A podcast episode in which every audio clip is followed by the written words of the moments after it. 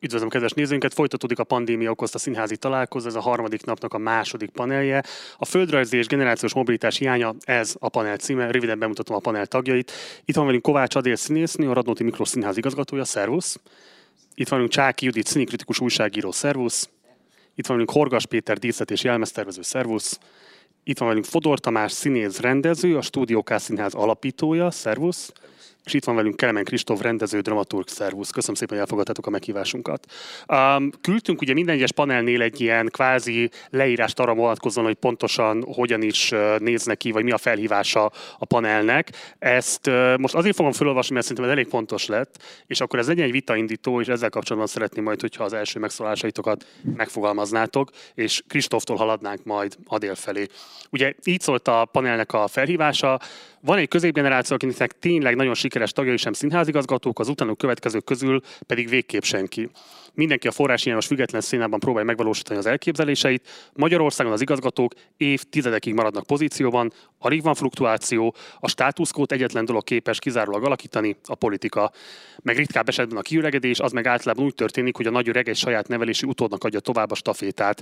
A magyar színházi intézményvezetők korfája rendkívül egyenetlen, a hivatalban lévők általában az utánok érkezők felkészületlenségére panaszkodnak, ami miatt nem mernek esetleges utánpótlásban gondolkodni, míg a középgeneráció középgeneráció tagjai folyamatosan azt élik meg, hogy kizárólag idézőjelben kihalásos alapon lehetséges intézményvezetői székhez, és így tervezhető erőforrásokhoz, hosszú távú építkezési lehetőségekhez jutni. Így szólt a felhívása a panelnek, úgyhogy azt szeretném kérni, hogy ezzel kapcsolatban fejtsétek ki röviden a véleményiteket. Kristóf, elsőként nálad a szó.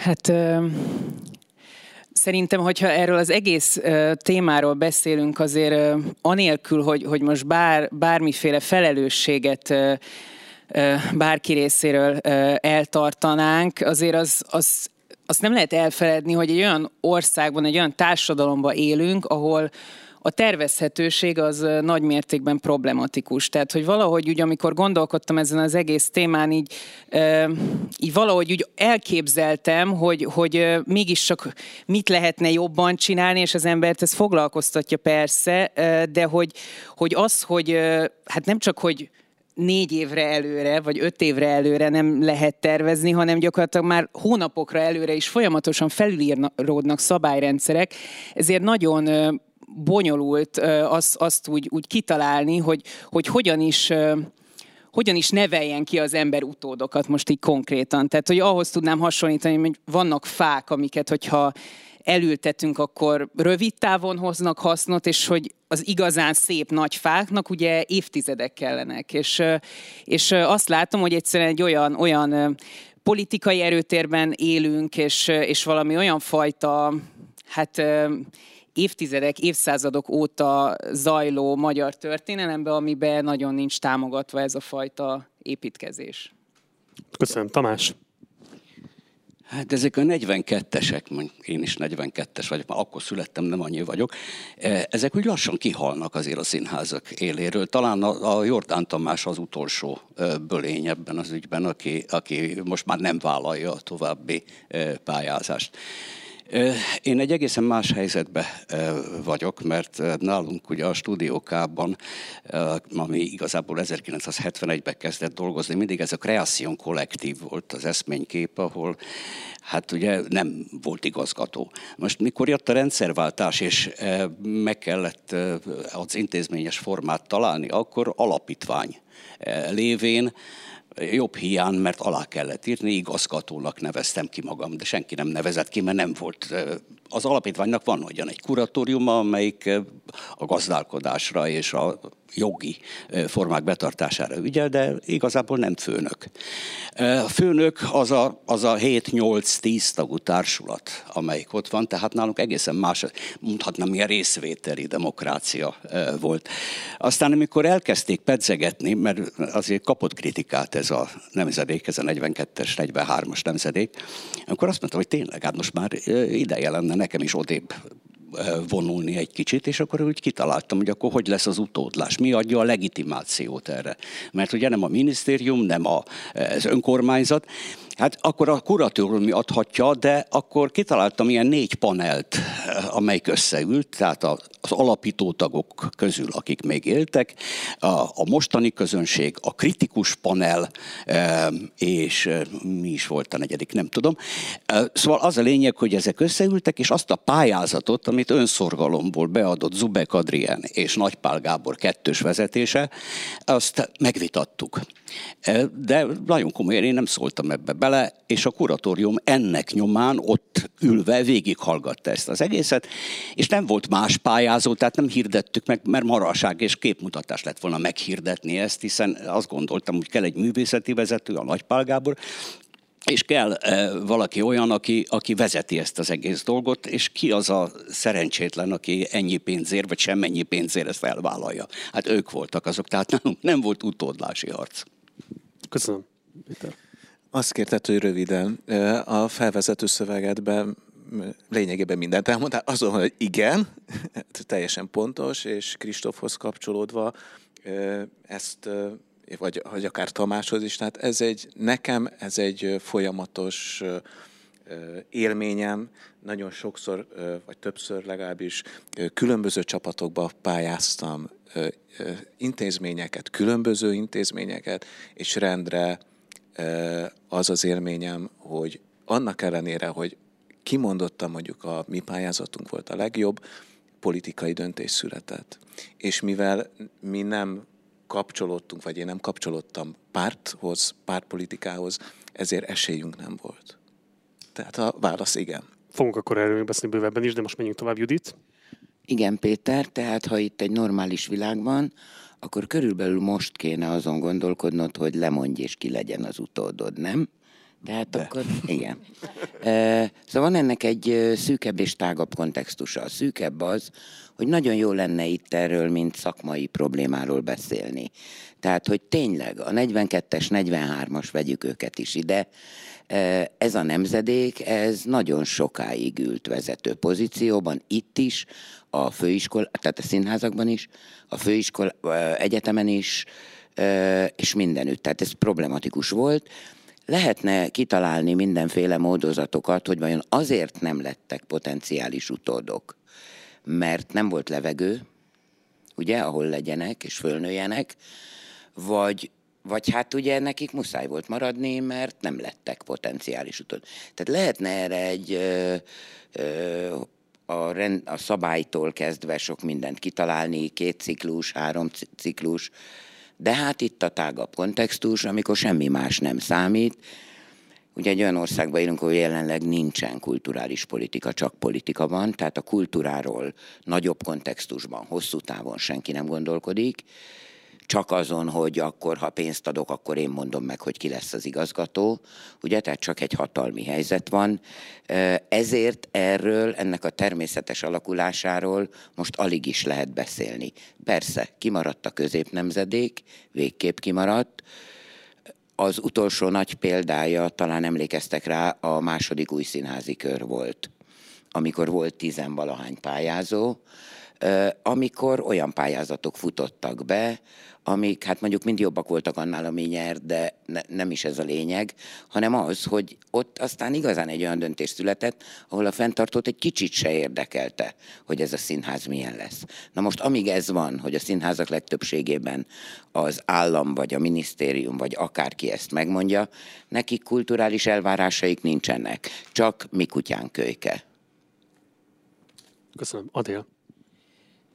Igen, hát én furcsa, furcsa helyzetben vagyok. Ugye én is azt mondhatom, hogy úgy papírforma szerint én sem lettem kinevelve, mégis valamiféle folytonosságot képviselek a Bálint András igazgatta Radnóti Színházban, és egyébként én felvetnék egy olyan érdekes dolgot, hogy tulajdonképpen ezeket a rendező generációkat ez a másik generáció neveli ki. Tehát azért az az érdekes dolog, hogy ezt sokkal hamarabb meg lehetne látni, és gyakorlatilag beemelni ezeket az embereket a, az aktuális színházakba, és egész egyszerűen elengedni azt a széket, és átadni. Tehát én biztos nem uh, tudtam volna színházigazgató lenni a Bálint András támogatása nélkül. Én nagyon remélem, ez biztos, hogy nem politikai döntés volt, én azt gondolom, de, de mm, ugye ez elhíresült mondása az Andrisnak, hogy, hogy, hogy azt mondják, hogy itt az lesz színházigazgató, akit én támogatok. Biztos, hogy megkérdezték őt, és egyébként nagyon érdekes volt, mert nem volt nagy a pályázási kedv. Én azt hittem, hogy sokkal nagyobb lesz. Egyetlen egy pályázó volt az Anger Zsolt, és gyakorlatilag a szakmai bizottság egyhangú döntéssel engem választott meg, aminek én nagyon örülök, de mm, mondjuk abban a helyzetben nem lett volna borzalmas, hogyha, hogyha van valaki olyan, aki a, pályázik, aki, aki mm, azt gondolom, hogy jó, hogyha oda jön, és akkor én továbbra színésznő vagyok. Tehát én a magam mostani helyzetében kezdettől fog, ezt meg is fogalmaztuk, hogy arra törekszünk, hogy, hogy először nyilván egy olyan rezidens rendezőt találjunk a színházban, ugye Való Péter a főrendező, akire én nyilvánvalóan támaszkodom, és, és ezzel folyamatosan próbálkozunk. Persze Andris is próbálkozott folyamatosan, hiszen ott voltam, tudom, hogy minden évben jöttek fiatal rendezők. Én ezt egyen nagyobb lökettel próbálkozom, tehát lehetőleg a legfiatalabbak kettő-egy évben, hát ahogy teret tudunk adni. Én azt gondolom, ez nagyon fontos, de egyébként biztos jó lenne egy szabályzás is, hogy, hogy azt hiszem Németországban, Kristóf, talán te jobban képbe vagy, ott azt hiszem két mandátumig, tehát kétszer négy évig lehet valaki egy helyen e, igazgató. Utána én most pont találkoztam e, egy ilyen igazgatóval, és mondta, hogy ő most már nem pályázik, és majd megy tovább egy másik városba, és ott pályázik. Na most ez érdekes, mert ugye Európa más országaiban nem ennyire vízfejű, bár azért a vidéki színházak is ö, ö, nagyon jó, jó helyek, és, és, és vannak műhelyek. Tehát én azt gondolom, hogy a műhelyeket kellene egy kicsit erősíteni.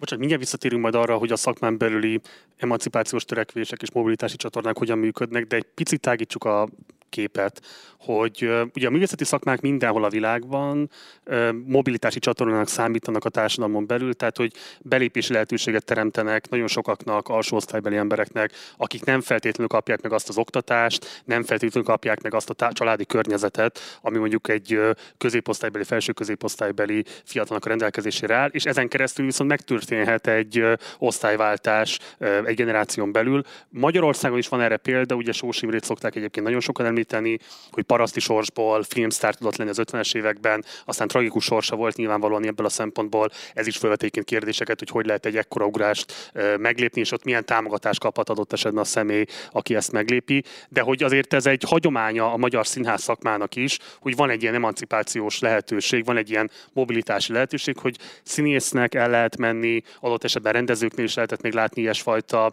ö, törekvéseket, vagy ilyesfajta példákat, de nekem van egy olyan szubjektív megérzésem, hogy ez szűkült az utóbbi 30 évben, és kifejezetten szűkült az utóbbi 10 évben. Tehát az lenne a kérdésem, hogy magyarországi színház szakma szolgál-e ilyen mobilitási csatornaként még a magyar társadalom számára? Lehetséges-e egyébként az, hogy mondjuk, most nagyon szélsőséges helyzetet mondok, egy kifejezetten ilyen értelemben demagóg helyzetet mondok, de mondjuk egy borsodi faluból van -e esélye valakinek már eljutnia a Színház és Filmművészeti Egyetemre színész szakra, ha egyébként rátermettségben, képességekben, attraktivitásban minden tud, amit egyébként tudnia kellene, csak nem biztos, hogy már mondjuk akár a buszra van jegye, vagy pénze, hogy eljusson az egyetemre, és akkor a továbbiakról már nem is beszéltem, de mondom, nem csak ennyire szélsőséges példák vannak, mert lehet, hogy egyébként Budapest külső határaiból is nehezebb eljutni bizonyos esetekben az SZF-ig. Tehát, hogy tud-e még a magyar színház szakma mobilitási csatorna lenni, vagy sem? Hogyha már Borsodot említetted, akkor ez egy nagyon érdekes felvevő piaca volt különben a színházi szakmának Borsodban, ugye Kazinc Barcika. Kazinc Barcikán két évenként rendezték meg a, az Ifjú Horváth István Fesztivált, és ott volt a szakmának azok a, azok a képviselői, ott voltak, Aser például majdnem mindig, Nánai és így tovább, akik hírt adtak arról, hogy kik tűntek fel az amatőr mozgalomba, akkor még ugye ez nem volt független, és e, e, vagy, vagy jelzést adtak, hogy egy következő táborban e, foglalkoznának a tehetséges emberekkel, és azok jelentkezzenek a főiskolára, vagy pedig a főiskolát megkerülve esetleg filmrendezők jártak arra, és e, bekerültek filmekbe, és a film e, volt egy ilyen csatorna, ahol be lehetett kerülni a színházba.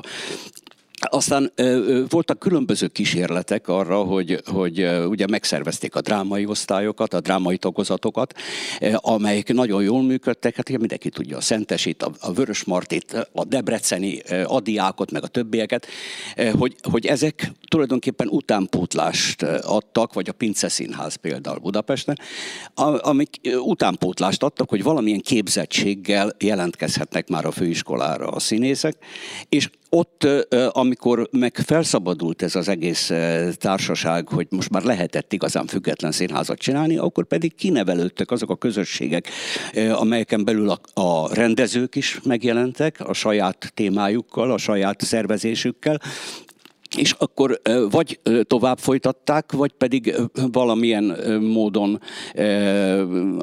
egy, egy új helyet alapítottak, és úgy kerültek be a szakmába. Tehát voltak ilyen csatornák. És aztán ahol, ahol meg lehetett fogni ezeket a srácokat, akik, akik nem jutottak el Pestre vagy nem jutottak el oda a színházba. És aztán volt egy nagyon érdekes kezdeményezés, a, a TÁMOP, ami európai pénzekkel dolgozott, és amikor ez, ez motiválta a színházakat, a független színházakat elsősorban arra, hogy kimozduljanak a, a viszonylag kényelmes terükből, ez is egy mobilitás, hogy kimozdulni és jó előadásokat vinni, olyan előadásokat, tantermi előadásokat, vagy, vagy bármifajta interaktív, interaktív előadásokat, akkor ott megint föltűntek emberek. Tehát a, a, az ember, amikor dolgozik, mondjuk a Szeged-Szeggelt vittük iskolákba összekötve mindenféle politikai szavazásokkal, már úgy értem, hogy közpolitikai szavazásokkal, a morálról, a hatalomról, a, a MeToo kérdéséről, ugye, mert akkor a, a Szeged-Szeggel arról szól, ugye valaki visszaél a hatalmával, és eh, ahogy az ember játszik, vagy eh, kapcsolatot eh, tart az osztályban a, a fiatal emberekkel, akkor látja, hogy a szemükben nem az a fajta érdeklődés van, ami általában az autogramkérőknek az érdeklődése, hanem az, hogy ők komolyan vennék ezt az egész dolgot, és valamilyen módon társadalmilag is meg vannak érintve azzal, hogy ők valamit csináljanak az életbe. Tehát nem feltétlenül egy, egy képeslap címlapjára akarnak kerülni, bár az sem e, elítélendő dolog, hanem valami hasznosat akarnának csinálni, nagyon értelmes emberek. Tehát ez is volt 2002-ben, 2002-ben volt az, amikor mi e, kint voltunk, és volt még számos olyan dolog, ami, ami például ezt lehetővé tette, mint például a pályázati kiírások a független színházak részére, ahol egy külön, a mobilitás kérdés egy külön pont volt, és bizony meg kellett felelni ezek ezeknek, és akkor kimozdultak, és ott fel lehetett fedezni, majd bejöttek ezek a srácok a színházakba, a független színházakba, és egyszer csak kezdtek így feltűnni. És vagy bátorítást kaptak, hogy folytassák tovább a tanulmányaikat, vagy pedig rögtön közvetlenül beálltak. Bocsánat, csak ugye az én emlékeim azok 2013 előttről valók, tehát amíg Kaposváron tanítottunk együtt, uh, ugye 13 óta nem vagyok ott, de hogy finoman fogalmazzak.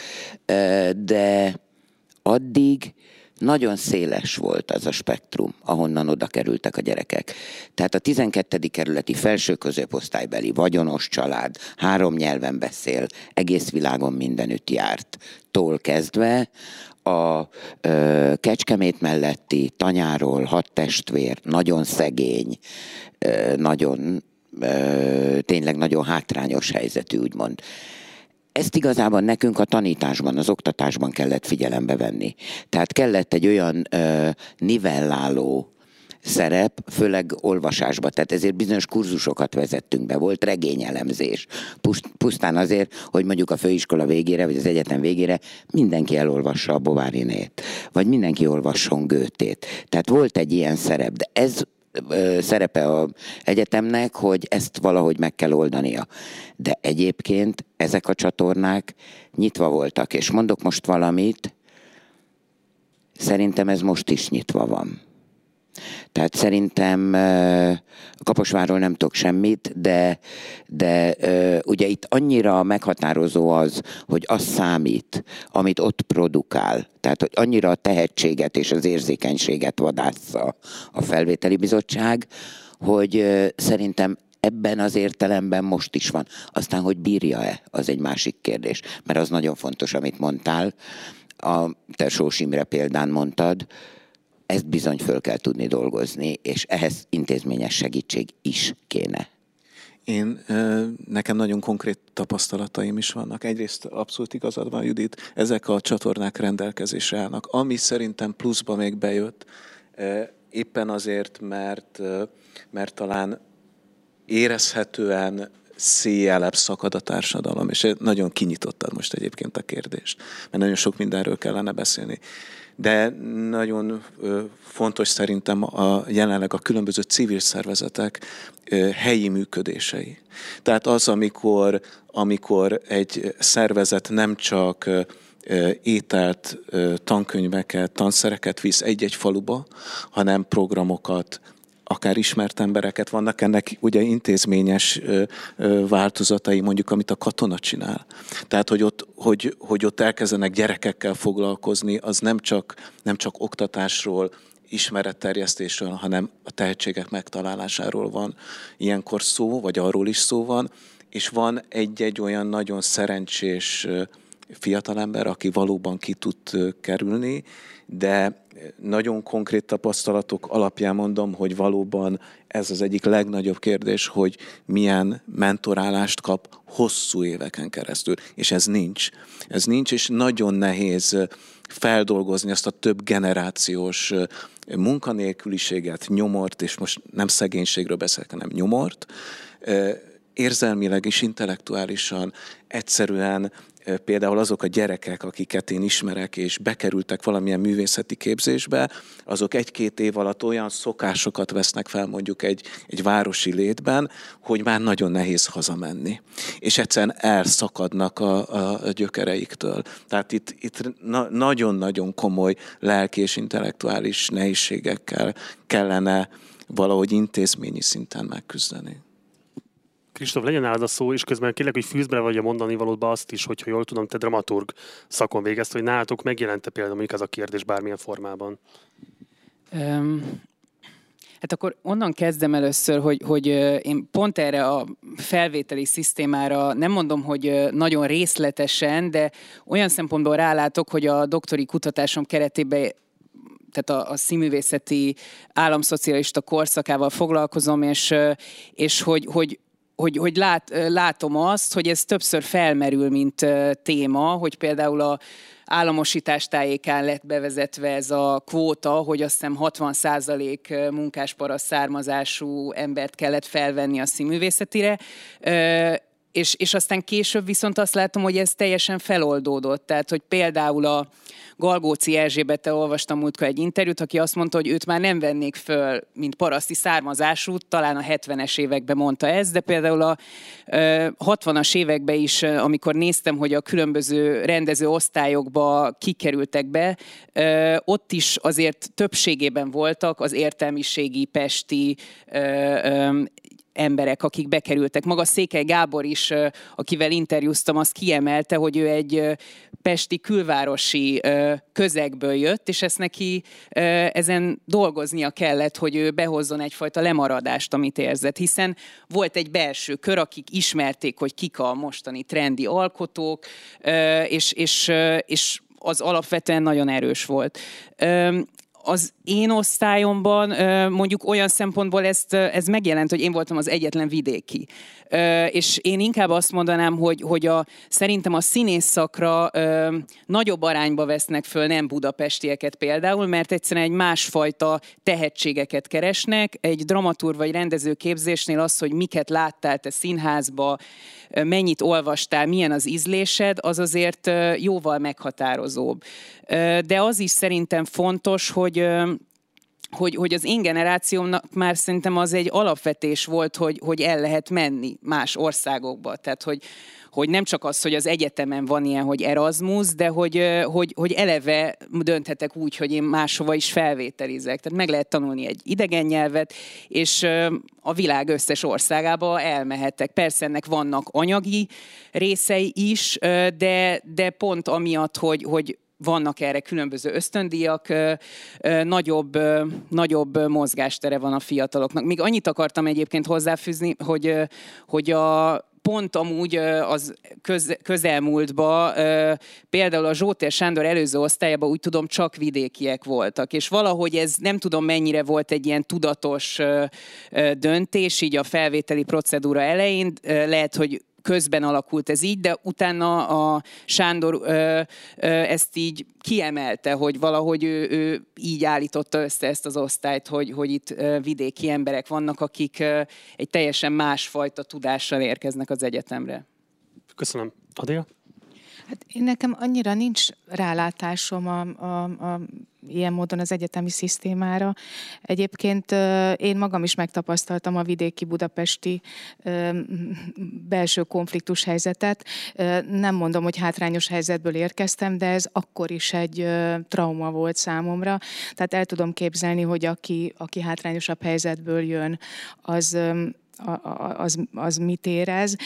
Biztos, hogy nem hasznos, hogy a társadalmi olló egyre jobban nyílik szét. Nem jó, hogy ezeket a civil szervezeteket mi is dolgozunk egy-két ilyen szervezettel, tehát például a Romaszter Alapítványjal, hogy akik végig kísért. Tehát ezek, e, erre a mentoring rendszerre rettenetesen nagy szükség van, vagy az Elritók Nóráékkal, a, az Igaz Gyöngy Alapítványjal. Tehát ezek nagyon-nagyon hasznos dolgok, és ugye például a mi időnkben én is az, hogy mondjam, mondjam, az amatőr mozgalomba fertőződtem meg. Tehát ezek, ezek, ezek nagyon fontosak, hogy az iskolákban legyenek a drámapedagógiai foglalkozások, és, és hogy azok a gyerekek is megfertőződjenek, vagy, vagy azokat is be lehessen húzni, vagy, vagy ők is megtapasztalják, hogy van ilyen képességük, mert, mert azt gondolom, hogy biztos, hogy, hogy egyre inkább kiugrási, vagy, vagy egy, egy kiemelkedési lehetőséget tud nyújtani ez a pálya. Kérdés, hogy ez a pálya mennyire lesz vonzó, vagy hogy hogy az a része ennek a pályának sok esetben mennyire lesz vonzó, nem, nem csak esetleg annak, aki, aki ebben kiemelkedhet, hanem hogy, hogy mások számára is mennyire lesz vonzó. Most éppen úgy érzem, hogy, hogy annyi mindig csak valahogy kirakatba a problémák vannak helyezve, és ez szerintem nem tesz jót a, a, a szakmának. És akkor térjünk át a szakmán belüli emancipáció kérdéseire, vagy mobilitási kérdésekre. És itt az Adél által az előző körben fölvetett utódlás problémájából indulnék ki, hogy szerintem itt van egy ilyen helyzet, amit, ami nem igazán látszik, hogy létezne olyan megoldás, eljárásrend, ami az igazságosság kívánalmainak meg tudna felelni. Ugye pont az új színházi igazgatóváltás, ugye amikor Márta Istent leváltották, és jött Dörner György a helyére, világított rá arra, hogy igazából egyébként nagyon nehéz megmondani, hogy, hogy van-e olyan univerzális eljárásrend, amit minden intézményre rá lehetne húzni. Tehát, hogy az a jó, hogyha a fenntartó hoz egy döntést és vállalja a felelősséget, vagy az a jó, hogyha van egy szakmai bizottság és az vállalja a felelősséget. Mindkettővel lehet igazából manipulálni, mindkettővel lehetséges preferenciákat érvényesíteni, és igazából nem lehet azt mondani, hogy mondjuk ö, ö, bármelyikkel is egyébként lehetséges, de minden helyzetben kielégítő döntést hozni, ami a szakma egészének a helyeslését vagy, vagy támogatását bírná. Tehát ahogyan mondjuk adott esetben a Radnótiban az kedvezett a társulati kohézió, a művészeti integritás megtartásának, hogy Bálint András adott esetben, ha jól értem, informális jóváhagyásával is megtörténjen egy igazgatóváltás. Ez lehet, hogyha mondjuk az új színházban következne be, akkor egyébként rendkívül széles tiltakozást váltanak ki a szakmar egy részéből. Tehát, hogy az a kérdésem, hogy, hogy, hogy mik lennének szerintetek a legfontosabb kritériumok, amikről el kellene kezdenie beszélgetnie a szakmai nyilvánosságnak, ami az igazgató és az, intéz, az igazgatói pozíciókat, illetve kifejezetten a meglévő meglévő intézmények vezetői pozícióit illeti. És akkor elsőként látom, hogy Judit már veszi is a leveget, akkor Judit, és akkor utána a többiek. Ugye, hát ez itt most egy meglehetősen teoretikus fordulata a beszélgetésünknek, hiszen viszonylag friss fejlemény, hogy ugye aki fizet, az rendel, tehát az állami szférában valahogy gyökeret vert az a teljesen abszurd meggyőződés, hogyha én valamibe pénzt adok, én adom a pénzt, akkor én mondom meg, hogy ott ki az igazgató. Ugye ez, ezzel mi a probléma egyébként? Ezzel például az, hogy az állam az nem egy szatocsbolt ban a pult mögött áll. Tehát ő először is nem pénzt ad, hanem a te meg az én pénzemet ö, osztja el az igények szerint, amiben az igények között a legutolsó az ő politikai igénye egyébként. És most pedig ugye ez van, hogy ő tulajdonképpen itt megvásárolta, ha én adom a pénzt, én mondom meg ki az igazgató, és ráadásul, ami engem igazán elképesztebben, hogy ez teljesen természetesnek tartja. Ugye? Ha provokáljalak, hogyha volt a 2010-es választás, ami egy demokratikus választás önkormányzati szinten, Igen. nem érte kritika olyan értelemben, hogy bármifajta választási csalás történt volna. És ott Tarlós István lett egyébként akkor még ennek a városnak a főpolgármestere, tehát bírja ilyen értelemben a többség támogatását, és ha ő azt mondja, hogy neki az a döntés, hogy Dörner György vezeti azt a színházat, és azért teszi ezt, mert arra választották meg, hogy ezeket a döntéseket meghozhassa, akkor ez milyen szempontból tekinthető illegitimnek? Olyan szempontból, hogy ő azt mondta erre indoklásként, mert erre is emlékszünk, hogy mert a szélsőjobbnak is kell egy színház. Egyébként ugye akkor nem Dörner, hanem Csurka ö, neve volt a, lép, a micsodán, a címkén, tehát, hogy mert ennek a rétegnek is kell egy színház. Emögött pedig az, az abszurd meggyőződés van, hogy politikai meggyőződés szerint osztogatunk. Érted? Hozzád mennek mondjuk a szocdemek, a katonába mennek a liberálisok, a nem, hát micsoda egy képtelenség ez. Tehát azzal ez volt a baj. És azzal ráadásul az volt még a baj, hogy a dologban volt egy ilyen ö, politikai cinizmus is. Minél nagyobb a cirkusz, minél jobban tiltakoztok, annál inkább meghosszabbítom bicskéig. És ö, ugye tehát erről lenne, lehetne beszélni, mert valószínűleg mi se értenénk egyet abban, hogy mi lenne a normális módja az igazgatói kinevezésnek. Egy, szempont, egy szempontot mondj röviden. Például, ha egy szakmai bizottság szakmai lenne, most erről a mostaniról nem beszéljünk, ahova küldik őket azzal, hogy kivel, kire kell szavazni. De én ebben megengedőbb vagyok, mert ismerem a német városok, vagy a német tartományi és városi színházak kinevezésének gyakorlatát, ahol ha azt mondják Hamburgba, vagy nem tudom én hol, hogy itt sokat beszélnek erről a Mártáler nevű manusról, vagy akárkiről, mindegy, és akkor azt mondja a polgármester, hogy egy ciklusra idejön. És akkor csak hogy akkor a polgármesternek nincs más szempontja, mint az, hogy az ő színháza lenyomja az összes többi tartományi színházat, mármint szakmailag. Ez más... például egy jó verseny. Igen, hát ki van nyitva a kérdés, de akkor ez megkerülhetetlen, hogy, hogy visszatérjünk oda, hogy 1990-ben bizonyos egyetértés mutatkozott abban, mondjuk a kisgazdákat kivéve, egyetértés mutatkozott, hogy a kultúra finanszírozása milyen módon történjen. Megjelent egy, egy nagyon izgalmas tanulmány Marshall Miklósnak, aki mondjuk főpolgármester helyettes volt egy darabig, kultúrával foglalkozott, és Kuti Évának, aminek a lényege az volt, hogy az állam egy bizonyos távolságot tartson a kultúrától. Ezt karnyújtásnyi távolságnak nevezték, tehát még elérje tulajdonképpen ezt a, ezt a támogatásra méltó ágazatát a társadalomnak, de semmiképpen se folytsa meg, semmiképpen se nyúlkáljon bele. Most hát ugye természetesen a, az MDF tartózkodóan viselkedett ebben a ciklusban viszonylag, de végül is létrehozta a, az ő segítségükkel a Nemzeti Kulturális Alapot, amelynek körülbelül az volt a célja, ami, ami a British Councilból, akkor a, a francia Centre Dramatikokból jött, hogy megfelelő távolságban legyen az állami gépezettől, az intézményektől, és ne tudjon ebbe beleszólni. Na most az, mi, mi az érdeke? Akkor, akkor kétféle érdeket lehet elkülöníteni, ami, ami látszik, hogy mi az államnak akkor az érdeke. Az az érdeke az államnak, hogy egyrészt olyan állampolgárai legyenek, akik állampolgárok, akik tudjanak dönteni egy csomó kérdésben, többek között ő velük szemben, vagy mellettük is, hogy az a többség úgy alakuljon ki, ne úgy, hogy ne tudja, hogy minek az alapján dönt. Ez az egyik. A másik az, hogy, hogy legyen egy olyan vonzó infrastruktúra a városokban és a falvakban, vagy a vidéki városokban is, amely köré fel tud, most az előbbi társadalmi mobilitást szeretném ide citálni, fel tud nőni egy olyan generáció, amelyiknek például fontos lesz színházba járni, fontos lesz hangversenybe járni, fontos lesz könyvtárba, múzeumba járni. Semmi más célja nem lehet egy közigazgatásnak, lehet legyen az állami, vagy önkormányzati. Az a lényeg, lényeg, hogy sokan legyenek. A Ferencvárosban például ugye most ott vagyunk, Ferenc. Nem, József, József, nem, városban, bocsánat, mindegy. Bocsánat, máshol, a másik oldalon álltam meg. Jó, tehát Ferencvárosban Gegesinek, amikor sokat választották meg őt, az volt a célja, hogy egy, egy kult utcát hozzon létre, és, és éttermekkel, színházakkal, független színházakkal, presszókkal, és így tovább oda vonzza az embereket, hogy megváltozzon az a kép, amit az ő város részéről adnak. De ugyanez történt Budapesten is, és ugyanez történt még egy pár nagyvárosban is, hogy elkezdte kinevelni a saját értelmiségét, visszatérve egy kicsit a társadalmi mobilitásra, hogy ne kelljen Budapestre jönni azért, vagy ne kelljen bemenni a belvárosba azért. Tehát ez lenne a célja, ezért kell adni a pénzt, hogy kisegítse ezeket, mert nincs akkora fizetőképes kereslete a színháznak, hogy egyáltalán ezt megvalósítsa.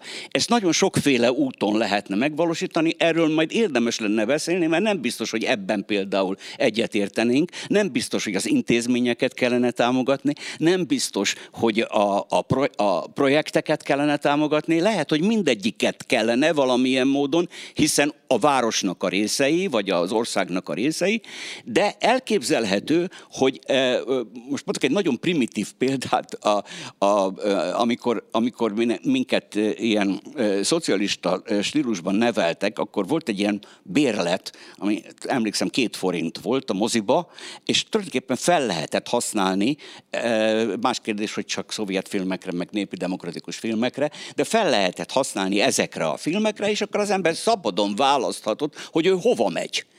Hát egy meghatározott, meghatározott kvótán belül, ugye? Na most, hogyha e, esetleg egy olyan e, kuratórium, vagy olyan bizottság, vagy olyan támogató e, bizottság lenne, a többin, az intézmény támogatáson és a projekt támogatáson túl, amelyik például díjazna azt az öntevékenységet, ami a közönség fejlesztésben megnyilvánulhat, hogy például klubok, hogy például fogyasztói közösségek, kultúrafogyasztói közösségek elhatároznak, hogy ők hová mennének, ez egy sokkal fontosabb döntés lenne, mint az elég rosszul viselkedő tahó például, de hát ez már messzire vezet. Tudom, hogy te vagy, aki itt kérdez, de akkor én visszakérdeznék. Amikor, amikor azt mondod, hogy, hogy a politikus felelőssége, hogy, hogy egy döntés után a politikus vállalja-e a felelősséget egy igazgató kinevezésénél. Én azt kérdezem, hogy hol van ez a felelősség? Mi az a felelősség? Hol számon kérhető az, hogy van egy jó döntés, vagy nem jó döntés? Van -e ennek valamilyen, bármilyen féle következménye? Igen, igen, a választáson. De közben tudod, azért több száz ember élete múlik egy-egy ilyen döntésen, és, és én azt gondolom, hogy, hogy a rendszerváltás után nem épült ki, hogy tudatosan vagy tudattalanul, de nem épült ki az a kultúrpolitikusi réteg, amelyik mondjuk hosszú távon az oktatást, a mobilitást átgondolva képes lenne egy városnak kulturális stratégiát kitalálni, irányítani, hiszen a felelősséghez akkor ez az egyik alap, hogy én elmondom, hogyha én, én városvezető vagyok, és azt mondom, hogy én ezt szeretném mondjuk 10-15 év múlva ebből a városból, akkor arra van egy stratégia, ott van egy elgondolás, és ahhoz képest írom ki a különböző kulturális intézmények vezet a pályázatot. És akkor, akkor nagyon szépen el lehet számolni, és számol lehet kérni most erősen kilépek a moderátori szerepembe, de csak azért, mert tényleg érdekel a vélemény, és nem csak a tiéd, hanem a többiek is. Én szerintem egyébként a Dörner kinevezésével effektíve nem volt az a baj, hogy megtörtént, hanem az, hogy nem vállalta be az akkori vezetés, hogy nekem ő a prioritás. Én ezzel a művészet ideállal értek egyet, és ezért hozom meg ezt, és vállalom azt, hogyha ez esetleg ez nem tesz tarat, akkor azt ki lehet fejezni, de engem megválasztottak, egy legitim vezető vagyok, és ez így nem volt igaz. szerettem volna, ezt szerettem volna azért. Hogy miért hozta ezt a döntést, az más kérdés, csak azt mondom, hogy szerintem egyébként ez az igazi probléma, és nem az, hogy legitim volt a döntés, vagy sem. Én most a Dörner ügye, azt, azt a Judit jobban tudja, meg nem, én nem, nem tudok, én csak a, a, a, azt mondom, hogy hitelesen csak a saját ügyembe tudok. Amikor mi egy nagyon széles és színes társasággal megpályáztuk a József Attila Színházat, ahol nem csak egy művészeti programot, hanem egy városfejlesztési koncepciónak részeként pályáztunk, akkor a szakmai bizottság, már nem tudom, hogy az kikből állt, minket hozott ki elsőnek, és akkor Tarlós István azt mondta, hogy nem, mert nem, mi nem kaphatjuk meg. Ez a csapat nem kaphatja meg. És nem volt semmilyen más indoklás, csak az, hogy csak. És ennek semmiféle következménye nem volt. Fogok ide még kérdezni majd, de akkor most Adél akarsz hozzászólni, vagy pedig Kristóf? Én, én, én csak Adél. egy rövidet, hogy ö, én azt látom, hogy ugye nagyon sok példa van, hogy a szakmai bizottságok döntése ellenére mi történik. Az a legro- legborzasztóbb, hogy időről időre mindig az történik, hogy gyakorlatilag egyáltalán vagy nem lehet belelátni, vagy nagyon is bele le- lehet látni azokba a dílekbe, amik mentén végül is a döntés megszületik. És ennek sokszor semmi köze nincs a, a szakmai ö, kérdésekhez. Itt ugye volt is a szakma részéről, hogy akkor mi a csodának szakmai bizottság?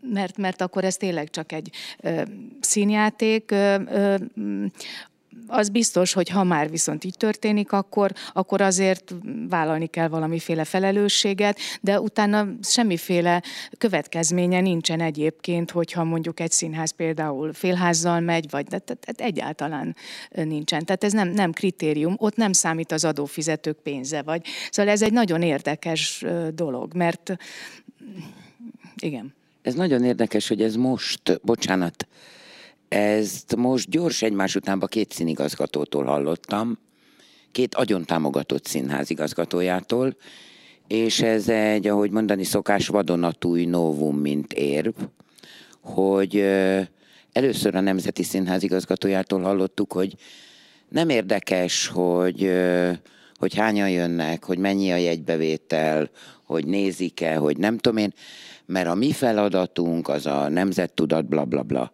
De most, oké, okay, jó, ezt halljuk évek óta. Ami ugye azt jelentette, hogy nyugodtan szórjátok ide az egyik milliárdot a másik után, mert a mi feladatunk az, hogy a nemzetet észhez térítsük, vagy nem tudom én. És akkor most egyszer csak, tegnap előtt, vagy négy napja, az Operett Színház igazgatója mondja azt, hogy ja, hát igen, hogy a jegybevétel, meg a bérlet, meg a közönség elpártol de nekünk nem az a feladatunk, hanem mondja az operett színház igazgatója, hogy a nemzettudatot és hogy erősítsük a nemzeti elkötelezettséget. Magyarul ez lett a fedőszöveg arra, hogy hát igen, itt volt egy jól működő színház, hát ez most nem jól, már anyagilag. Hát most ez nem jól, de nem baj, mert majd az állam kipótolja, igen. Kristóf.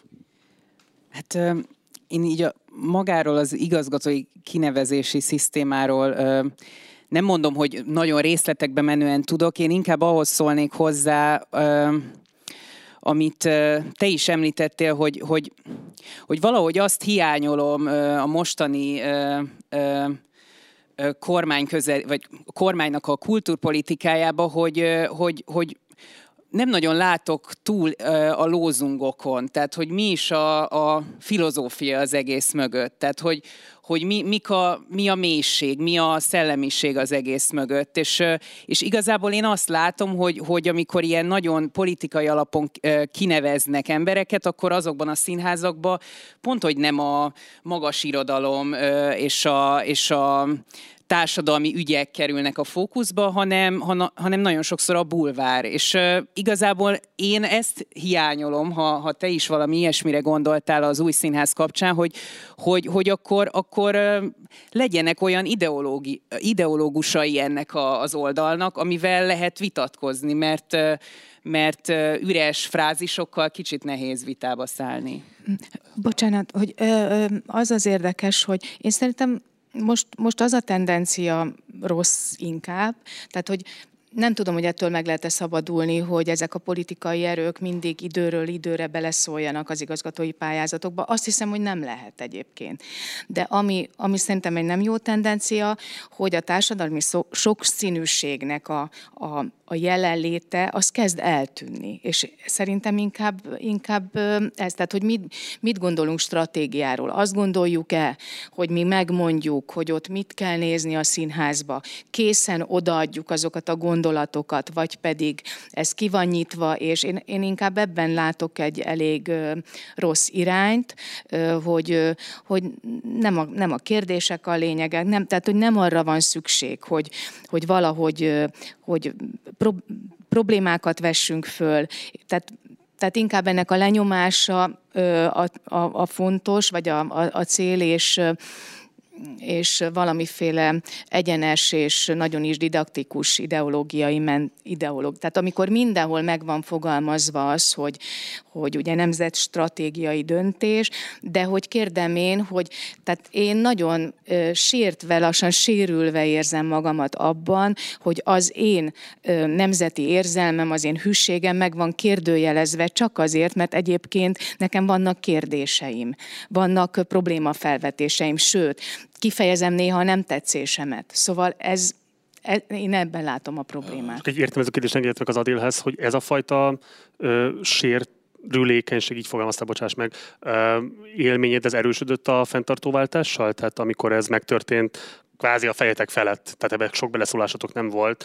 Érezted azt, hogy itt egy olyan kielezettebb helyzetbe kerülsz bele, ami abszolút független a te szándékaitól? Hát nem érzem jól magam, hogy stigmatizálva lettem. Egyáltalán. Ez kimondható, hogy stigmatizálva vagy. Hát stigmatizálva vagyunk. Ellenzéki színházként. Igen, igen. És én úgy gondolom, hogy én, ö, én visszakereshetem a 80-as évekből az interjúimat, én ugyanazt mondtam akkor is, én most is ugyanúgy érzek, én most is ugyanazt gondolom. És ezt próbálom képviselni a színházba is, és egyszerűen bele lettünk tolva egy politikai térfélbe, én, ezt, én ebben nem érzem jól magamat, de ettől függetlenül ezután sem fogok más csinálni. Tehát, tehát ugye a kutya ugat, a karaván halad, ehhez tartom én magamat, és aztán meglátjuk, hogy mi. Ha ezt esetleg fölveted azoknak, akik ebbe beletoltak, vagy akiket oda szokás sorolni a színház szakmán belül, akik ezt a toló tevékenységet folytatják, reagálnak-e bármit erre? Tehát, hogy látsz-e bármifajta empátiát, szolidaritást megnyilvánulni, hogy valóban itt van egy nagyon primér pártpolitikai küzdelem, amelyben színházak, intézmények, színházi emberek lesznek eszközök, tehát, hogy van-e lehetőséged ezt tematizálni, nem itt, hanem olyan helyzetben, ahol esetleg tényleg ellenérdekeltek, felismerhetik azt, hogy valójában mivel jár az ő tevékenységük rád nézve, a te intézményedre nézve. Hát én, én megmondom őszintén, hogy szerintem nekünk meg kell tartani a távolságot. Tehát én nem, nem gondolom, de lehet, hogy nem értettem pontosan. A direktben fogalmazok, ha a teátrumi társaság felé mondjuk nyitsz egy ilyen kérdéssel, hogy hello, hello, mi zajlik, és hogy nem tudom, hogy látjátok, hogy mi történik az intézményünkkel, mi történik velem személyesen. Van-e reakció, van-e lehetőséged egy ilyen kezdeményezést például elindítani feléjük? Ö, elindítottam. Tehát én azt gondolom, hogy, hogy nem lehet az, hogy, a, hogy, hogy, hogy ne tudjunk párbeszédet folytatni. Szerintem ez létkérdés és ez, ez, ez a közönség érdeke, mind az ország érdeke, a szakma érdeke, és szerintem ez iszonyú fontos, és tehát, tehát én a magam részéről nem veszek föl bizonyos kesztyüket, mert mert azt gondolom, hogy az a fontos, ami a színpadon történik, és, és ettől függetlenül a, a, a szuverenitásomat viszont szeretném megtartani, de mindenképpen kell besz. Ezért is fáj, meg rossz, amikor nincsen párbeszéd, illetve valamiféle utalások vannak párbeszédre. Én igazából sosem lettem megszólítva ebbe a párbeszédbe, nem tudom, hogy kik lettek megszólítva, de én, én, én nem igazán. Köszönöm. Tamás? Hát nem irigylem Adélt, és azokat se, akik most színházat vezetnek.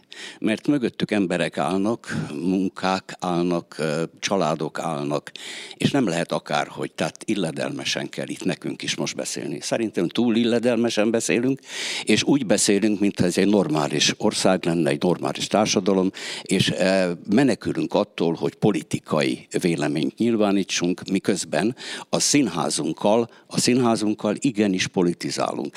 Nem feltétlenül egy pár párt mellett, mert hiszen nem erről van szó, hanem arról van szó, hogy e, úgy szemléljük a valóságot, e, hogy az konfliktusokkal teli. Mint ahogy a dráma is konfliktusokkal teli ha eltagadjuk azt, hogy konfliktusok vannak, ellenérdekeltségek vannak, politikai törekvések vannak, akkor hazudunk. Hazudunk a színpadon is, és hazudunk, amikor beszélünk. Nem tehetsz róla, láttam tegnap egészen egy másik panelbe, annyira védekezett az egyik színházigazgató, hogy kifejezetten ideges volt, már féltem, hogy már láttam, hogy pirosodik az arca, hogy hogy tud Apollo géta lenni egy pillanat alatt úgy, hogy ne lógjon ki a lóláb. Na most én, én azt akarom ezzel mondani, hogy, hogy abban a pillanatban, amikor amikor megnézi az ember a, a közvéleménykutatási eredményeket, és azt látja, hogy 19 éves és 29 évesek között a kormányzó párt 21%-on áll a biztos szavazók körében, akkor bizony nem én gondolkozom csak el, hanem el kell gondolkozni a, kormányza, a kormányban lévő embereknek, hogy hogyan tudja nem illedelmesen, hanem kifejezetten radikálisan megoldani ezt a helyzetet, hogy bizony igen, azt fel kell emelni.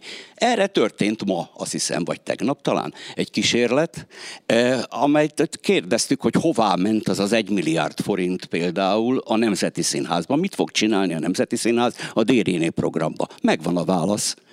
A, eh, Ez tény. Széchenyi. A Széchenyi István alapítvány égisze mögött elindul a Dériné Színház monodrámákkal, megnéztem a műsorát, az a az, most már nem kell bujkálni, nem kell azt mondani, hogy, hogy mi nem politizálunk, de igen, ez egy politikai kérdés, az, hogy, a, hogy keresztény elkötelezettségű és, és egyben a történelmet tárgy, tárgyilagosan szemlélő. Na most ez a kettő, ez, ez valahogy nincs összhangba. De nyilvánvaló, hogy a mobilitásba ez a Dériné program, ez most aratni fog. És eddig szükséges volt, na figyelj, a pénzben. Hát elvontak, hát hogy a csodába? Hát ha, ha, csak, ha csak barátságos akarok lenni, akkor azt mondom, hogy fél milliárd. Fél milliárd erre az öt produkcióra, amik e, elkezd e, dolgozni, és közben megfojtódnak azok a műhelyek, akár a Jurányiról van szó, akár a Szkénéről, akár azok a kultúra közvetítő, színház közvetítő társaságok, amik nem tudnak dolgozni, és ahol a színészek százai dolgoznának. És új mobilitást adhatnának, hogy visszatérjünk a témához. Új rendezőket, új felállásokat, új módszereket próbálnának ki akkor világos dolog, hogy le van véve valamilyen e, állarc, e, e, ha már pandémiáról van szó, le van véve ez a védelmező dolog, amit a, a politikailag korrekt e, beszédre használt mondjuk a, a kormányzat, és ez nyíltan meg van mondva, hogy erre felé kell menni. Vigyázzatok emberek, mert ez a trend. És ha valaki nem, akkor, akkor repül. Tehát... Széchenyi István történelmi vándorszínház egyébként. Azaz, történelmi vándorszínház. Pontosan. Így van. Péter, amikor arról beszéltél, hogy megpróbálkoztatok a József Attila Színházban igazgatói pozícióba jutni, és ez nem sikerült, szerinted mit lehet csinálni egy ilyen helyzetben? Neked mi volt a személyes stratégiád, azon kívül, hogy nyilván az ember kétszer is meggondolja, hogy valaha belevágjon még egyszer egy pályázatba. Tehát, hogyha nem az a válasz, hogy oké, okay, akkor egy nincsen út, ezt abba hagyom, hanem rendben, megértettem, hogy most nem sikerült, de valahogy muszáj lenne érvényt szerezni ennek a színházi ideálnak, amit minket foglalkoztat. Tehát te hogyan, mi a válaszod erre, vagy mit tanácsolnál, hogyan kellene érvényt szerezni egy ilyen helyzetben, egy kudarc után egy pályázó csapatnak? Én azt gondolom, hogy ez erre mindenki más, hogy ad választ. Ak- akkor ott, ott az annyira megdöbbentő volt, hogy Hát igen, az, az nagyon váratlanul ért valamennyiünket. Mert tényleg nagyon tisztességesen és nagyon, hogy mondjam, széles körűen térképeztük fel. Ugye egy, egy intézmény megpályázása az nem csak egy művészeti munka betöltése, nem csak egy, egy kultúrpolitikai feladat, hanem azt az intézményt működtetni kell. A fűtéstől, a villany, a díszlettártól, egy csomó mindent, tehát ez Adél most megtapasztalja. Tehát, hogy ez egy, ez egy nagyon, nagyon összetett kérdés, és, és megint csak ahhoz nyúlnék vissza, hogy ez mennyire, hogy egy intézmény mennyire kapcsolódik egy város, egy kerület, egy ország szövetébe. Nincsenek, nincsen igazándiból tanácsom, mindenki maga dönti el, hogy egy-egy ilyen egy-egy ilyen élmény után milyen tapasztalatokat szerez. Az a csapat, amelyik akkor ott velem volt, azzal a mai napig tartjuk a kapcsolatot, és különböző kisebb projektekben próbáljuk tulajdonképpen ugyanazt a szemléletet véghez vinni, vagy megfogalmazni. Van, amikor ez egy előadásba, van, amikor egy, egy szegregátumba. Tehát, hogy ez, ez Nyilván most itt Budapesten ez egy nagyon különleges helyzet lehet, hogy, hogy egy új városvezetés van. Nyilván ennek az új városvezetésnek főleg ebben a, a színházak szétosztásában nem volt még ideje, hogy egy hosszabb távú kulturális stratégiát fölállítson. Nagyon remélem, hogy, hogy erre lesz, lesz alkalom és lehetőség, mm, és akkor ebben azt gondolom, hogy mindezek ezek a tudások becsatornázhatóak. Engem most nagyon... Egy ilyesminek a kialakításában? Boldogan, persze. És azt gondolom, hogy az az... Az áron is, hogy akkor elkötelezettnek tűnnél, vagy mutatkoznál politikai alapon is?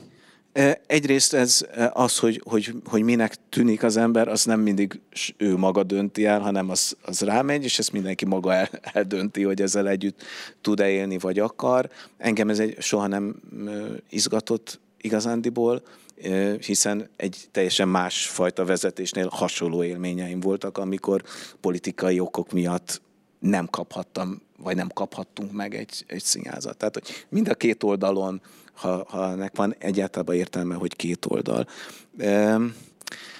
Engem sokkal inkább az izgat most, hogy ebben a, a járvány utáni és ebben az írtózatos válság, ami most következik, hogy abban a színházak, a színházi szakma hogy tud arra fölkészülni, hogy milyen ajánlatai lesznek. Erre nagyon jó példák voltak. Az elmúlt hónapok szerintem nagyon fontos alap, alapkérdéseket tettek föl a szakmánknak, és nagyon remélem, hogy ezek majd egy, egy ilyen kulturális stratégiába be tudnak épülni. Alapvető kérdések merültek fel. Kristóf, neked egy nagyon különleges szakmai státuszod van, mert egyszerre vagy dramaturg egy fővárosi külszínháznál, és közben pedig sikeres független produkcióknak írója, rendezője. Ez mennyiben egy tudatos szakmai építkezés abban az értelemben, hogy így osztottad meg a kapacitásaidat és a különböző szakmai ambícióidat, vagy pedig egy felismerés volt annak, hogy azok az előadások, amiket te létrehozol, azok nem tudnak feltétlenül a közszínházi struktúrába illeszkedve működni, tehát ezeknek a független szférában van a helyük, de közben vannak olyan ambícióid, amik igenis illeszkedhetnek abba a struktúrába, ami a közszínházatnak a sajátja, és te ott is tudsz e, hasznos, vagy nem is tudom, tehát hogy e, kibontakozó lenni. E, mennyiben egyéni stratégia ez, és mennyiben érzed azt, hogy esetleg ez lehet, hogy sokaknak lesz majd követendő példa adott esetben a következő évek során? Hát a, a tudatosságot az azért nehéz így, így megfogalmazni, mert hogy ez valahol attól azon is múlott az egész, hogy milyen lehetőségek jöttek szembe. Az biztos, hogy nekem nagyon fontos volt a szakmai identitásomba, hogy, hogy az egyetem negyedik és ötödik évében elmentem külföldre, és láttam, hogy mennyiféle működésforma lehetséges még. Tehát, hogy az, az szerintem nagyon fontos lenne, hogy, hogy, hogy az egyetem még ennél is jobban támogassa azt, hogy akár a színészek, rendezők, mindenki merjen hosszabb időre elmenni, és ne feltétlenül az, az befolyásolja a döntését ebbe, hogy most kell itt lenni, most kell megmutatnom magam a szakmának. Tehát, hogy, hogy ez, ez valahogy a, a gondolkodásomat vagy szellemiségemet formálta, és, és, és hát egyszerűen voltak ugye ezek a különböző pályázatok, mint a titánium pályázat, a staféta pályázat, amik amik egy keretet adtak annak, hogy mondjuk egy független szénába én elkezdtem dolgozni. De emellett például, amikor Adél megkeresett, hogy, hogy a Radnótiban szívesen dolgozna velem, az meg egy olyan szempontból volt nagyon érdekes, hogy hát alapvetően engem a színház csinálás érdekel, és nem feltétlenül a független színház csinálás, vagy a kőszínházi színház csinálás, hanem hogy az, hogy az ember dolgozhasson, hogy tanuljon, hogy, hogy, hogy, hogy csináljon valamit, mert, mert ugye abból, abból lehet bármilyen, bármit létrehozni. És, és hát egyáltalán nem, nincs egy ilyen ilyen ö, ö, szigorú utam, hogy akkor mondjuk csak a függetlenbe tudom elképzelni a dolgokat például most a Radnóti Színházban is fogok csinálni egy előadást, és, és hát pont, hogy szerintem azok, a, azok az érdekes helyzetek, amikor mondjuk akár az ember egy kőszínházi struktúrába próbál másfajta működésformákat ki, ott, ott, ott mozdít valamin, vagy akár a függetlenbe ott, ott is valahogy egy, egy más, más alaphelyzetbe elkezd egy teljesen szabadon összerakott csapattal együtt gondolkodva valamit létrehozni. Szerint, egy, egy, értem ez a kérdés, még aztán Juditnak átadom a szót, hogy szerinted Magyarországon a dramaturg szakma tudott-e már emancipálódni, tehát hogy értékelődik-e teljes jogú szakmaként, akár a rendező, akár a színészek mellett, illetve, hogy ebben az egyenjogosítási folyamatban szerinted a földrajzi szempontok mennyire játszanak szerepet, tehát nagyon leegyszerűsítve a kérdést, te ezt a karriert, amit be tudtál mostanra már futni, be tudtad volna futni Budapesten kívül is szerinted? Mármint a Budapesten kívüli színházban. Magyarországon természetesen, igen. Tehát, hogy... Hát az a helyzet, hogy ez, ez úgy mint, mint kérdés azért nehezen értelmezhető, mert valahogy annyira Budapestre koncentrálódik minden, hogy, hogy, hogy én őszintén szóval például a, a vidéki független szénára nagyon minimális mértékben látok rá. Az, hogy a, az én szak, tehát hogy a dramaturg szakma emancipációja hogy van. Szerintem a képzésben elindultak olyan dolgok, tehát önmagában az, hogy, hogy már nem színház tudomány címszó alatt képzik a dramaturgokat, hogy amit annak idején elindított a Kárpáti Jákfalvi Upor 3-as, és aztán az én osztályfőnökeim is tovább vittek, hogy a dramaturg az, az tehát a dramaturg szakma, vagy dramaturg képzés alatt nem feltétlenül kőszínházi dramaturgokat képzünk csak, hanem alkotó embereket, és abból tulajdonképpen számos irányba lehet elmenni. Ugye az is van, hogy a szakmában a dramaturg pozíció is egy ilyen nehezen körvonalazható dolog sokszor, és ezért én arra jöttem rá, hogy én magamat is tudom definiálni, hiszen persze valami fajta elvárások mentén mozog az ember, de hogy mégis egy nagyobb terep van arra, hogy akkor most nem begörcsölök azon, hogy so- sokan nem tudják, hogy mit csinál egy dramaturg, meg hogy ez az egész mi, hanem, hanem én magamat megfogalmazom, és én tulajdonképpen így fogalmaztam meg magam, hogy, hogy egy alkotó ember, aki amúgy nem feltétlenül csak dramaturgként vehet részt egy produkcióban. Köszönöm szépen, Judit! Én csak arra akartam reagálni, amit a, ö, előbb mondtál Kristóf erről a, a független és kőszínházi halmaz egymásra vetüléséről, hogy ezt én nagyon fontosnak tartom, mert ebben látom a, milyen jó lenne, ha csupa ilyen dologról beszélnénk, a színház szakmai kitörésének az igazi lehetőségét, például most így a járvány után is, amikor egész egyszerűen átértelmeződnek a régi falszerű, falszerű határok, a, ugyanúgy a közszínház és a független között, mint az, hogy mi a színház, hol is lehet színházat csinálni, csak egy ezer személyes, nem tudom én micsodában, vagy csak egy ö, kukucskában, vagy csak egy... Tehát nagyon fontosnak tartom, hogy, és nagyon örülök, hogy a, volt tanítványaim között például a K2-s fiúk is ilyenek, akik a, a független és a kőszínházi szcénát nagyon jól tudják össze egymáshoz hajlítani, és szerintem ebből mind a két réteg nyer.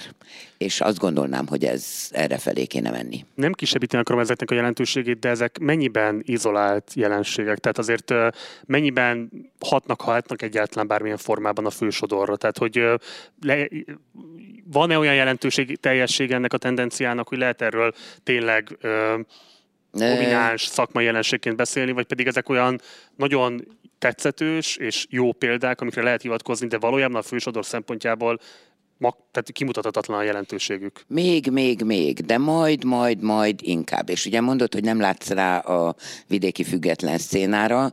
Most, ha nagyon drasztikus akarnék lenni, akkor azt mondanám, hogy azért nem látsz rá, mert hát vidéki bázisú független széna viszonylag kevés van, van azért, de például egyre több vidéki színház, kőszínház, sőt, mi több nemzeti szín, vidéki nemzeti színház dolgozik ezekkel a kicsit, ezekkel a beszivárgó függetlenekkel. Tehát nem annyira sporadikus a dolog, még nem, még nem tendencia, de hát majd.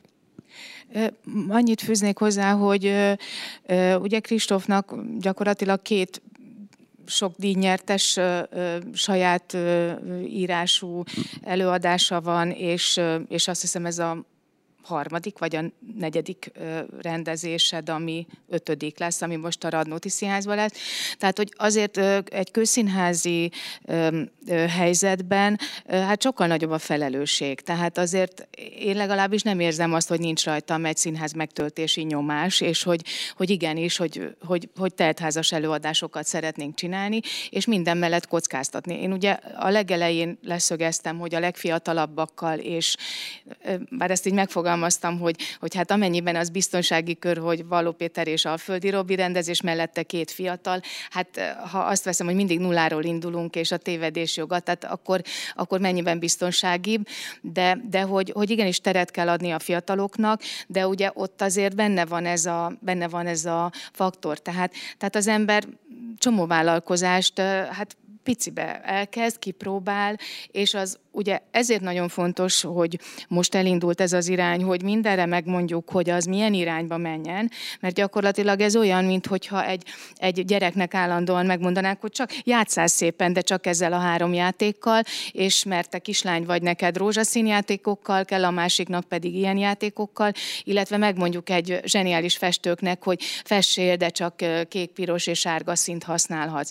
Tehát, hogy nagyon fontos, hogy a, a független szférában nem tudom ez mennyire érthető, vagy nem érthető, hogy, hogy meglegyen az a, az, a, az, a, az a mérhetetlen szabadság, és ezek a pályázat, tehát az a pályázati rendszer, az, az adott is erre lehetőséget. Nem tudom, most azt látom, hogy a mostani pályázati rendszerek meg így egy kicsit jobban beszűkülnek, illetve azok a helyek, akik nagyobb teret tudtak ezeknek adni, azok valahogy, mint a kevesebb támogatást kapnának, és, és valahogy, valahogy, tehát Jurányinak is, tehát mindenhol látjuk, hogy sok-sok millió van visszavéve, miközben most a földből kinőtt helyzetek, meg nem tudom, hogy mik adott esetben százmilliókat kapnak, és hát azt az ember azért fájlalja, mert, mert ez, ez hanvába fog holni. Bocsánat, és, a, és hogy azt is, azt sem tudom, hogy ezek után mondjuk a, a fiatal embereknek, akik, akiknek valahogy más az alapállásuk, tehát azt gondolom, hogy az én generációm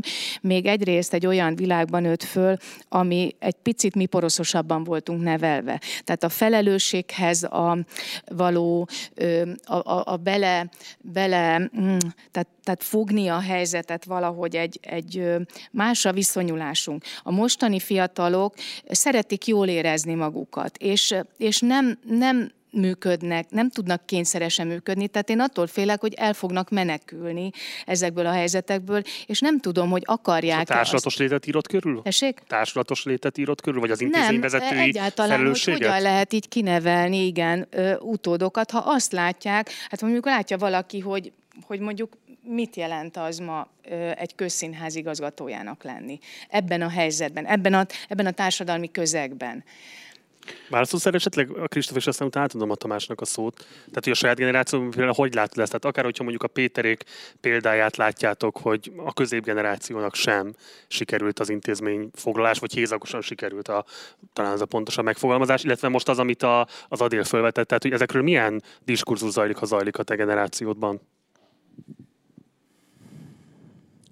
Hát szerintem ez, ez már inkább ez az ilyen Y meg X generációs probléma, tehát az, hogy, hogy, hogy én azt látom, hogy az én generációm egyel később akar belépni, tehát hogy kitolódott ugye az a, az a kor, kor amikor, amikor mondjuk elfogadják, hogy egy munkaerőpiacon való elhelyezkedéssel mi jár. Én azt látom, hogy a, a, az én generációmban valahogy talán egyen nagyvonalúban vannak tematizálva ezek a kérdések. Tehát inkább az van megfogalmazva, hogy dolgozni akarunk, adjanak lehetőségeket, és, és az a fajta, tehát nekem az egy nagyon jó tanulópénz volt, hogy pályáznom kell, hogy meg kell írnom egy pályázatot, hogy meg kell fogalmaznom előre egy tervet. Szerintem az, hogy ez a pályázati szisztéma a függetlenek körébe kialakult, ez nagyon-nagyon jól tanítja azokat az embereket, akik e- ezt, ezt művelik, hogy, hogy egyre koncepciózusabban gondolkodjanak mondjuk a színház csinálásról. Nem beszélve arról, hogy majd talán esetleg később kutatóknak az nagyon jó terep lesz, hogy, hogy ezek elolvashatóak lesznek remélhetőleg. Nem szorosan kapcsolódik, mert én, én szerencsés vagyok ebből a szempontból. Hol ideugrom, hol színész vagyok a kőszínházban, hol rendező vagyok a független színházban, egész életemben így volt. Nem erről akarok, hanem a földrajzot, mint hogyha abba hagytad volna egy picikét. E, és én próbáltam ezzel a Dériné programmal valahogy behozni, de nagyon fontos, hogy miről, miből vették el ezt a pénzt. Tehát ezt a teálterről, és hogyha ma vidéken vagyunk, például, ahol, ahol megnyilvánulnak a fesztiválokon a színházak, és ahol igazából értéket kapnak a produktumok, ahol lehet azt mondani, hogy ez az igazgató, vagy ez az intézmény, ez hogy teljesített. Nem pusztán a nézőszámmal, hanem szakmailag. Hol, hol mérte össze magát a kulturális piacon? Ha ezeket a kulturális piacokat például csak erre a 93 eh, ezer négyzetkilométerre tesszük bele, a, és nem nemzetközivé nyitjuk a dolgokat. Most ez egy vicc, hogy posztnak hívják ezt a rendezvényt, ugye, mert vicceltetek ezzel a poszt dologgal, de a poszt meghal. A poszt meghalt. Egy darabig úgy tűnt, hogy ez egy, ez egy mérő ö, eszköz lesz, hogy ki jut el a posztra, ki mit teljesített. Most ezeket most már nem lehet. Ez, ez meghalt. És meghalt egy csomó más fesztivál. Meghalt ö, azok, a, azok a színházi, specifikusan ö, szakmai, tehát gyermekszínházi, és így tovább Kaposváron, vagy, vagy valahol. Tehát nem igazán adnak értéket, és ezt nem veszik figyelembe például. Senkit nem értek el. Ezek vannak a gyerek, vannak. A, nem, a gyerek Na. fertájon, Igen, ott, ott még, remek, Igen. mert ott nagyon jó a Kecskemét is, ott nagyon jó a Györkőc is, és ott rendben van a Kaposvári Biennálé. De amit mondasz abban, az érdekes, hogy én nekem egyszer elém került egy lista, sose tudtam, hogy van ilyen, hogy európai A-kategóriás fesztiválok. Te Például. biztos tudtad, Igen, hogy van, van ilyen, ilyen fesztivál. Hogy van egy ilyen, hogy A-kategóriás. Egyetlen egy magyar fesztivál van rajta, a Teáter se a poszt, se a kisvárda, se semmi, mert nekik vannak ilyen pont rendszereik, tehát hogy mi lehet a kategória, nemzetközi dolog, sajtólefedettség, szakmai jelenlét, szakmai beszélgetés, és egyik se. De egyébként, amit mondasz ezzel a Dérinével, és behoztad, én ebben optimistább vagy pessimistább vagyok? Optimistább ezek nem jönnek be. Hát, ö, én még a rendes, ö, jól svejfolt, ö, forsiftos szocializmusban ö, nőttem föl, ezek az ilyen agymosás ö, dolgok, hogy most akkor terjesszük a itt lehet valóban elégetik a, a pénzt. Milliárd. Igen, milliárd elégetik a pénzt, de itt nem ez a lényeg, hogy kinek az agyát mossák ki, hanem az, hogy mit ölnek meg közbe.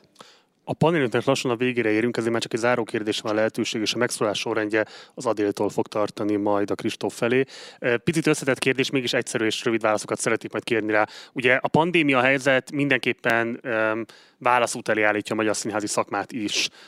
Nagyon erős a tendencia, és nagyon erősen mutatkozott meg az elmúlt napokban és a panelbeszélgetésekben, hogy egy olyan restaurációra készületünk szeptembertől, mi szerint történt semmi, megnyitnak a színházak, teltházal fognak majd menni, ugyanúgy játszunk, ahogyan eddig játszottunk, és így tovább. Tehát, hogy visszarendeződik a magyar színházi szakma is a járvány előtti időszakba azért van egy olyan tendencia is ezzel szemben, hogy bár nem történt meg egy ilyen radikális bezuhanása, becsődölése a színház szakmának, súlyos szociális krízis van, ez nem kérdés, de egy nem tört szét a teljes intézményrendszer. Ugyanakkor, hogyha tényleg megtörténik ez a szeptemberi őszi újranyitás, és egy második hullám, és Magyarország elkerült az első hullámnál a súlyos átfertőződöttséget nem fogja elkerülni, lehet, részben pont azért, mert újra nyitnak ezek az intézmények, az olyan, tehát az, az, az, az hosszú évekre a meglévő színházi struktúrát teljes mértékben gajra teheti.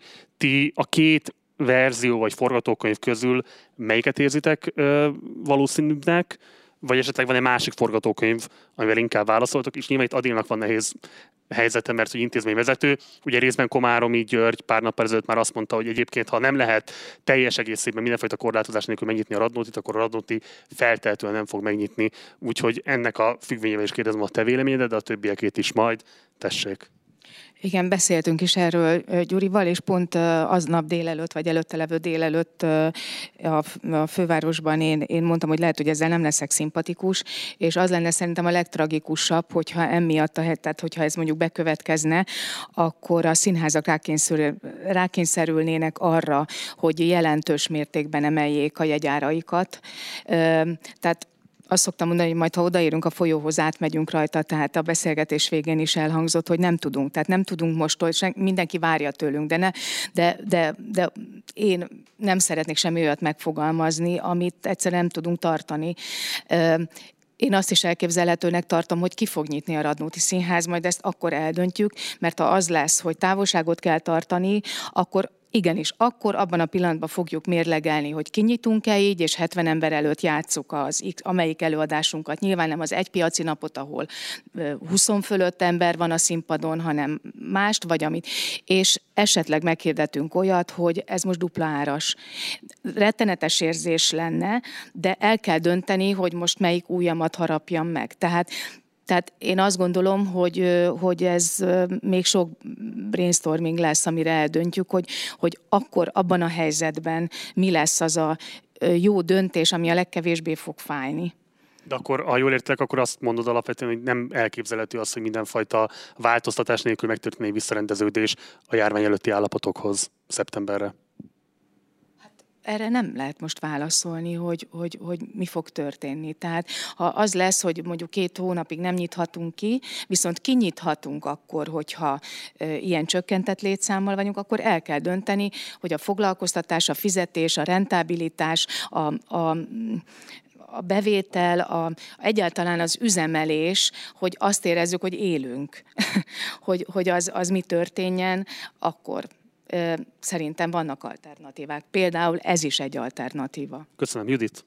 Én nagyon szeretném, ha lennének hosszú távú változtató következtetések, vagy következményei ennek a járványnak, de most csak gyorsan ehhez annyit, hogy rendes demokráciákban az államnak kutya kötelessége lenne a színházak esetleges minden bevétel differenciáját így átutalni. Nem az önkormányzatnak, hanem az államnak. Ez lenne a dolga, nem ez az ostoba újabb agymosási hullám.